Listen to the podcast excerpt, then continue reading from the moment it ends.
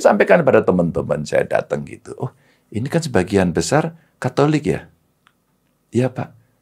Mimpinya agama Katolik aja nggak apa-apa. Saya akan berdoa dengan Islam kok. Dan itu dibiasakan saja. Ini kalau pendengar yang nggak suka, wah bisa di penistaan macam-macam. Iya. Kok lu berani? We close it. Five, four, three, two, one. Close the door. Milenial itu, nih sorry nih, gue agak lompat nih bro. Ya. Boleh dijawab, boleh tidak. Iya, iya. Milenial itu kebanyakan tidak paham tentang masalah. ya agak bodoh sih. Sayanya agak bodoh daripada netizen yang mikir bodoh. Milenial itu kebanyakan tidak paham terhadap masalah-masalah yang sebenarnya ada di berita. Contohnya salah satunya adalah salam lima agama. Oh iya iya iya. Itu Iya iya. milenial banyak nggak ngerti loh. Nggak ngertinya begini. Kenapa harus gitu? Kenapa ribut? Iya iya iya iya iya iya. iya. Oke. Kenapa ribut? Iya. Terus saya juga bertemu pada beberapa orang pejabat yang saya tanya, eh, kalau anda setuju tidak dengan hal tersebut? Mm-mm. Nah, banyak beberapa pejabat yang tidak usah saya sebut namanya mengatakan saya setuju. Ada yang mengatakan tidak, tapi dengan sisipan belakangnya, tolong kata-kata saya tadi dihapus Mm. supaya tidak orang tahu. Mm-mm. Karena ini peka masalahnya. Mm-mm. Oke, gua mengerti bahwa ini peka masalahnya, Mm. peka masalahnya. Mm. Tapi saya pernah bareng sama Pak Ganjar di sebuah acara dan Anda mengkampanyekan Pancasila pada milenial-milenial persatuan Indonesia, perbedaan agama yang kita hargai dan sebagainya dengan keras juga, dengan luar biasa. Pertanyaannya apa? Kalau saya tanya itu ke Anda, Anda jawabnya apa? Gini, kita itu lahir berbeda kok. Itu sunatullah. Kan udah muslim sekarang. Iya iya iya. Iya iya iya. iya. Itu sudah, itu Tuhan udah kasih kita itu berbeda. Terus kamu mau menghargai apa? Bagaimana anak-anak kamu menghargai perbedaan di antara temanmu sekarang? Nggak tahu, Pak. Karena dia udah nggak mikir sebenarnya. Kami hanya dipengaruhi oleh pikiran-pikiran orang yang membawa misi. Kamu apa beda agama jangan main sama dia, duduknya jangan berseberangan. Waktu kemarin saya ngumpulin anak-anak SMA, duduk kamu. Kenal nggak? Nggak, cubit. Ada videonya? Cubit dia. Jangan dong pak. Loh kenapa nggak mau? Kan sakit pak. Oh tahu ya kalau dicubit sakit. Tapi cubit. Cubit. Sakit nggak? Enggak pak. Orang dikit kok nyubitnya. Cubit sampai sakit. Enggak apa-apa. Nanti tak jelasin. Nggak akan patah kok tangannya. Wah sakit. Ya oke. Kamu balas. Jangan dah pak kasihan. Kenapa kamu kasihan? Kan sakit pak. Kamu saudara? Bukan. Kamu kenal? Tidak. Kebetulan agamanya beda. Yang sebelah duduk kita agamanya beda. Udah kenalan sekarang. Masa dari tadi nggak kenalan? Kenalan dong. Nah, setelah itu saya tanya. Agamu beda, kamu tidak kenal. Dan ternyata sama kalau dicubit sakit. Lalu kamu mau membedakan yang Islam, yang Kristen, Katolik, Hindu, Buddha. Emang salah satu kalau dicubit nggak sakit? Sakit semua. Gus Dur itu pernah ngomong, kalau kita ngomong politik kayaknya politik identitas kita paling benar, yang lain salah itu. Gus Dur itu ngomong, di atas politik ada kemanusiaan. Maka bicara kemanusiaan itu Pancasila udah ngomong kemanusiaan. Apa terusannya kemanusiaan apa? Yang adil dan beradab. Pastilah yang memorable. Jangan memorable. Maka saya sampaikan, menyampaikan salam kan kemarin sempat ada di Jawa Timur juga ramai kan. Hmm, nah itu dia makanya. Iya, terus saya sampaikan saja. Kalau di Jawa Tengah boleh. Gus Dur juga pernah ngomong kok selamat pagi aja deh daripada berkelahi sulit. Loh salahnya shalom itu kan assalamualaikum. Benar nggak sih? Eh, Iya, iya, waktu masih belum Islam, shalom artinya apa sih? Sama. Salam kan? Salam. Eh, hai, hai gitu ya. Salam ya. Salam. Sehat selalu, kamu selamat ya. Selamat, shalom, assalamualaikum. Saya kira semua niatnya baik mengucapkan selamat bahwa hari ini kamu selamat, kamu baik. Apa bedanya? Terus kemudian kita persoalankan dengan kenceng-kenceng. Saya sampaikan, Kalau di Bali pasti doanya pakai bahasa apa pakai agama Hindu. Iya. Ada yang tersinggung nggak? Interupsi pimpinan. Saya nggak mau dengan agama itu ada nggak? Saya sampaikan pada teman-teman saya datang gitu. Oh, ini kan sebagian besar Katolik ya? Iya Pak. Mimpinya agama Katolik aja nggak apa-apa. Saya akan berdoa dengan Islam kok. Dan itu dibiasakan saja. Ini kalau pendengar yang nggak suka, wah bisa di penistaan macam-macam. Iya. Kok lu berani? Enggak. Kita meyakini saja bahwa yang saya katakan. Enggak, gitu, sorry, gue potong dulu. Karena saya selalu mengatakan bahwa kadang-kadang Indonesia itu rusak bukan karena bukan karena banyak orang tidak benar ngomong, tapi karena banyak orang benar nggak mau ngomong. Iya, makanya itu saya terinspirasi Gusmus. Gusmus ngapain sih main Twitter? Kiai sepuh kok main Twitter. Iya. Jawabannya menarik. Kan yang main Twitter ngawur-ngawur. Siapa yang membenarkan? Itu tadi. Orang mengerti benar nggak mau bicara. Maka yang salah itu menjadi benar. Iya. Karena corongnya lebih banyak. Karena caranya lebih banyak, majoritarian. Maka pada saat itu, Gus, maka saya lakukan, Mas. Saya mungkin kiai pertama yang pakai komputer. Ngerti komputer. Asik banget kan, Gus Mus? Dimarahi, dimaki-maki, ketawa aja. Saya bacain puisinya Gusmus waktu mau pilihan gubernur. Wah, dinista dilaporin apa krim apa namanya eh, reskrim ya dilaporin reskrim penistaan. Lu nista saya di mana? Uang itu udah dibaca sekian orang kok. Lihat aja di YouTube. Ya, digital. Jejak itu kemudian bisa saya pakai untuk baca dong jangan marah. Begitu sama Gusmus Gusmus bilang Mas Ganjar nggak usah aja ntar saya aja. Nanti dia akan malu. Baca puisi kok. Yang nulis Gusmus kok. Oh, yang nulis Gusmus tuh. Berarti kalau yang nggak nulis Gusmus kan nggak. Maka ada salah satu kemarin waktu saya itu itu saya dihajar oleh Mas Agung. Mas Agung mudah-mudahan lihat. Maaf ya Mas Agung saya omongkan. Tapi kita udah baik-baik. Agung itu hak Hmm. di TV One Host itu. Hmm. Ada lagi orang menistakan agama. Tega-teganya merusak Islam. Eh, saya juga Islam. Siapa yang menistakan? Akhirnya saya cari ketemu bisa DM-an, kirim nomor telepon, saya telepon. Mas, Anda pejabat. Mas, Anda tokoh publik. Anu Pak Ganjar, saya itu emosional aja. Karena banyak orang menistakan. Tidak. Lalu saya bilang, ini residu politik. Ini residu politik. Saya, akhirnya hubungan kami baik. Saya minta maaf, Mas. Anda malu kan kalau itu karena itu punya Gusmus. Ya saya minta maaf sama Gusmus juga. Menjelaskan, mengedukasi dengan apa risiko-risiko itu. Hari ini kan kita baik-baik. Karena apa? Kampretnya ikut cebong. Jadi baik kan sekarang? Bener nggak sih? Baik. Baik. Maka pukulannya jangan terlalu keras sama lawan politik yang lima tahunan itu. Ntar kalau kamu gandengan, kamu malu. Hari ini kita malu nggak sih? Coba jejak digitalnya dibuka semua. Siapa kemarin jelek-jelekkan siapa sampai kebangetan begitu? Eh, pakai otak kanan yuk. Bagaimana kalau kita politik garis lucu? Asik kan? Iya, benar, Eh, bisa bercanda. Benar, benar. Saya saya nggak akan apa ya, merasa menyakiti atau apa. Mas Yudi sekarang Muslim ya?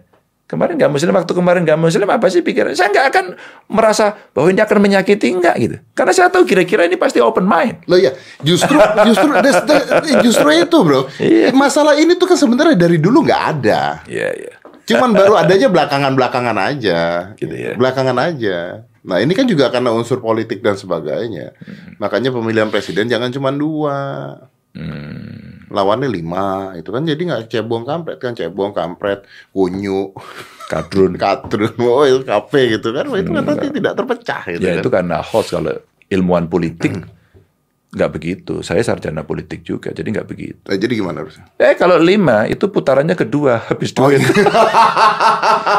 Mahal. Nanti baru lagi persoalannya. Capek. Kemarin itu eh Pak Gubernur Lemhamnas Pak Agus. Pak Agus Wijoyo Eh, keren, itu, itu orangnya keren juga. datang ke sini dia. Oh iya. Datang ke sini ngobrol tentang radikalisme. Oke. Ngobrol tentang radikalisme. Beliau mengatakan di sini di sini beliau mengatakan belum tayang belum sempat tayang. Beliau mengatakan saya nanya Pak Bapak ke sini tuh ngomong begini-begini tuh berarti ada ya Pak ya? Dia mengatakan, oh menarik sekali pertanyaan Mas Didi ini langsung to the point. Ada Apa itu yang ada? radikalisme gitu. Ya ada lah orang kelihatan kok masa bilang nggak ada. Mas ngelihat radikalisme ada atau tidak itu seperti lihat di depan saya ini Deddy Corbuzier atau bukan? Senyata itu Pak. Iyalah, uang mereka statementnya nyata semua kok. Kita masih mau tutup-tutupin tidak bisa. Bangsa ini kadang-kadang terlalu mencoba merapi-rapikan penampilan, tapi menutup-nutupi kebusukan. Mas, eranya sudah berubah lah. Alat ini itu sudah luar biasa merubah perilaku kita seluruh dunia. Dan dunia betul-betul bukan dekat, nempel. Dunia itu nempel hari ini. Apa yang terjadi di belahan dunia lain kita bisa tahu. Tiga hari hari ini saya di Jakarta. Bagaimana nasib pemerintahan? Kalau ada orang tahu katakan, Pak Ganjar kenapa di Jakarta? Anda urus masyarakat Jawa Tengah. Saya bilang, masyarakat Jawa Tengah bisa saya urus pakai ini. Ya. Hari ini Anda mau tanya apa? Penyemaran Bengawan Solo sudah sampai tahap ini. Penerimaan CPNS sudah sampai di sini. Serapan anggaran kita sudah sekian persen. Oke, oke. Eh, sorry, gue masuk sini dulu karena pertanyaannya ini eh, jawabannya benar. Jawa Tengah. Mm-mm. Gimana radikalisme di Jawa Tengah? Ada. Yang bunuh diri menjelang lebaran kemarin ada. Bunuh diri nggak mati. Lalu saya kumpulkan di Jawa Tengah kurang lebih ada 400 ex napiter. 400 400. kurang lebih. Beberapa di antaranya sangat aktif.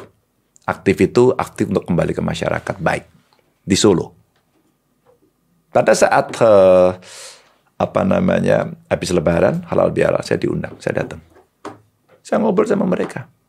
Mereka cerita apa yang terjadi. Lalu saya tanya, eh yang kemarin bunuh diri di apa Kartosuro itu kamu tahu nggak dia siapa? Enggak pak. Tapi kalau bapak perintahkan suruh nyari, saya cari. Tapi hasil informasi penyelidikan kita sendiri, dia ini ngeri karena dia sendirian dan dia belajar otodidak, tidak ada gurunya. Tidak ada gurunya. Lalu ke mana belajarnya? Dia anggota jamaah Facebookia. Ini jamaah Facebookia. Maka mereka yang menyerang melalui Facebook ada followernya, dia dipercaya tanpa saringan. Belajar tanpa guru bisa bengkok. Belajar tanpa guru bisa bengkok. Silat, baca buku, mukulnya begini. Nggak ada gurunya, seolah-olah memang mukulnya begitu. Gitu. Gurunya, enggak, kalau kamu mukulnya gitu tanganmu yang sakit. Coba ulangi lagi. Kan ada gurunya. Ngaji sama, ada kiainya kan. Iya. Eh bacaanmu salah tadi tajwidnya. Oh bukan begitu. Hadisnya begini. Dia kan banyak kiainya kayak YouTube sekarang. Jangan-jangan ya, Jangan-jangan. dia mendigitalkan, gitu. ya. Mendigitalkan. Nah, yang begitu kemudian kita kita cari. Di Jawa Tengah ada, ada. Kemarin habis ditanggepin. Ada. Lalu bagaimana kita me- me- Nah itu dia. Solve-nya gimana Nah, nih? Ya, justru saya dapat informasi dari ex napiter ini. Loh mas, bentar-bentar. Kalau Anda mempengaruhi orang bagaimana? Saya dua jam saya pengaruhi. Kenapa? Dan dia siap bunuh diri. Pak. No way. Nanti tak temuin. Boleh dong diundang ke Eh, sini? mau dong, mau dong. Oh ya, nanti Mau tak, tak omongin ya. Dua jam? Ini tunggu dua jam mempengaruhi orang siapa ini yang dipengaruhi? Biasa, normal? Normal, biasa saya ketemu orang. It's brainwashing. ya, betul. Dia Jeez, jago soal itu. Brainwashing. Jadi nggak perlu sekolah psikologi sampai S3 lah. Wow. Dia punya pengalaman Afghanistan, maka punya ilmu perang. Di depan Komisi 3 BNPT menceritakan, Mas mereka menceritakan, saya ini eh, oke lah, saya satu orang enam Kopassus lawan saya. Dia sampaikan cerita itu bahwa dia orang yang qualified. Saya bisa buat bom. Jadi orang-orang ini menceritakan. Terus saya gini, loh kalau gitu saya ngeri dong. Ngeri takut dong gitu. Iya, iya terus? Maka terornya berhasil kan, Iya, iya. Bi- bikin orang takut. Bagaimana kemudian sebaran itu dilakukan? Jawabannya menarik dan mengejutkan saya. Hati-hati Pak dengan dunia pendidikan kita. Shit. Maka kemudian muncul di berita. Oh my god. Pak Ganjar, kenapa Anda ngomong ngawur, radikal-radikal? Oh enggak. Pada saat saya ingin menseleksi apa namanya kepala sekolah, saya mintakan pendapat para ahli, catatan-catatan intelijen, nemu tujuh. Jadi dibully. Sementara yang lain sikat gitu. Tergantung kan. Ini kan ada divided society kan. Maka gitu. Maka serius. Lalu apa problemnya? Rata-rata kan problemnya perut. Problemnya akses. Kan dia tidak punya akses, perutnya kemudian lapar, mencari. Hanya satu dua orang barangkali yang mau ideologis, dia pintar dan sebagainya. Karena mereka sudah masuk jejaring dengan setting agenda yang clear. Nah sekarang, saya kan nggak mau orang-orang baru, anak-anak nggak ngerti. Tiak tukang tulis dipengaruhin. Ferry yang belum kenal saya dipengaruhi oleh teroris, kan nggak bisa kan. Orang-orang gini kan diselamatkan dia mesti kan. Kalau, kalau, kalau mengatakan bahwa hati-hati dengan pendidikan, Loh dia, iya, Mm-mm. artinya, artinya ini sudah masuk dari lini atas sampai bawah. kan sudah ngaku semua. Yang ditemukan polisi waktu itu, Polwan itu, dia sih bunuh diri. Maka jajaran militer masuk. Siapa yang tidak bisa dimasukin? PNS banyak. Kita masih mau memungkiri. Maka Pak Agus Wijaya bilang, radikal ada, ada. Udah betul, apalagi Pak Agus. Beliau ini tentara yang smart. Ya, kemarin beliau ngomong di sini, wah ini ada, ini ada, ini ada. Lo ada, makanya kita sudah. Mari kita bicara. Lalu pendekatannya apa? Karena memang terjadi pergolakan dunia Arab Spring, bagaimana perang dagang Cina Amerika, bagaimana Brexit ya, Uni Eropa yang belum beres-beres. Dunia lagi bergolak semua. World Bank, IMF sudah ngomong ekonomi ke depan turun kok. Hari ini di G20, G20 kita urutan keempat kok di atas Amerika. Kita masih bagus, masih bisa tumbuh 5 persen. Maka ini yang kalau Bung Karno bilang, kita apa namanya mesti berdikari dalam bidang ekonomi. Mari sumber daya kita kita cari. Kita mesti hidup. Maka kalau McKinsey sama Pricewaterhouse Coopers mengatakan kita akan menjadi ranking ke berapa? 7 kemudian keempat tahun 2045 ekonomi terbesar dunia. Oh itu make sense semua. Emang terus kita kalau menjadi ekonomi terbesar dunia terus tidak diganggu. Ya pasti diganggu. Nah cara ganggunya gimana? Ya dipecah belah hancur ya. Sudahlah jawabannya lebih baik. Ini hostnya siapa sih? Saya. Halo. Logic thinkingnya kan kelihatan. Iya, iya, iya, iya, iya, iya, iya. Oke bro, gua nggak mau ganggu waktu lu lah. Ya deh. You've been more than an hour here. Iya, waduh. Tapi tapi ini ini seperti gini, it's one of the best uh, podcast ever. kalau ada kalau kapan-kapan ke Jakarta lagi mampir deket-deket sini, Boleh ya. kan? Kayaknya soalnya gue masih banyak hal yang mau gue tanya gitu ya. Terus ini juga, Aku mau pengen pesen sih sebenarnya. ya ya boleh. Eh, gimana kemudian membicarakan politik dengan lucu, dengan asik, rakyat tahu, dan saya punya pengalaman itu kecil-kecil. Ntar dikupas ya. Eh boleh dong. Terus kita bicara pariwisata gitu ya. Iya iya iya. Terus kita bicara pengalaman yang kecil-kecil aja yang bisa orang bisa seneng gitu. Iya dong, boleh dong. Mau dong. Gitu ya. Iya. Oke. Anytime. Eh, eh, jangan lupa ya. Subscribe. Subscribe di YouTube saya. Iya. Namanya apa? Ganjar Pranowo. Ganjar Pranowo. Oh, iya. Pasarin dong, pasarin. Be- be- Berapa bulan buat? Apanya? Bulat buatnya berapa lama? Siapa? Itu baru ada berapa lama? Udah Berapa lama? Setahun? Setahun. Setahun. Oke, Ganjar Pranowo subscribe ya, harus subscribe Anda. Kalau Anda tidak subscribe, Anda tidak masuk Jawa Tengah, Anda tidak bisa masuk Jawa Tengah. Enggak ya? Kalau Anda tidak subscribe, berarti memang Anda belum subscribe.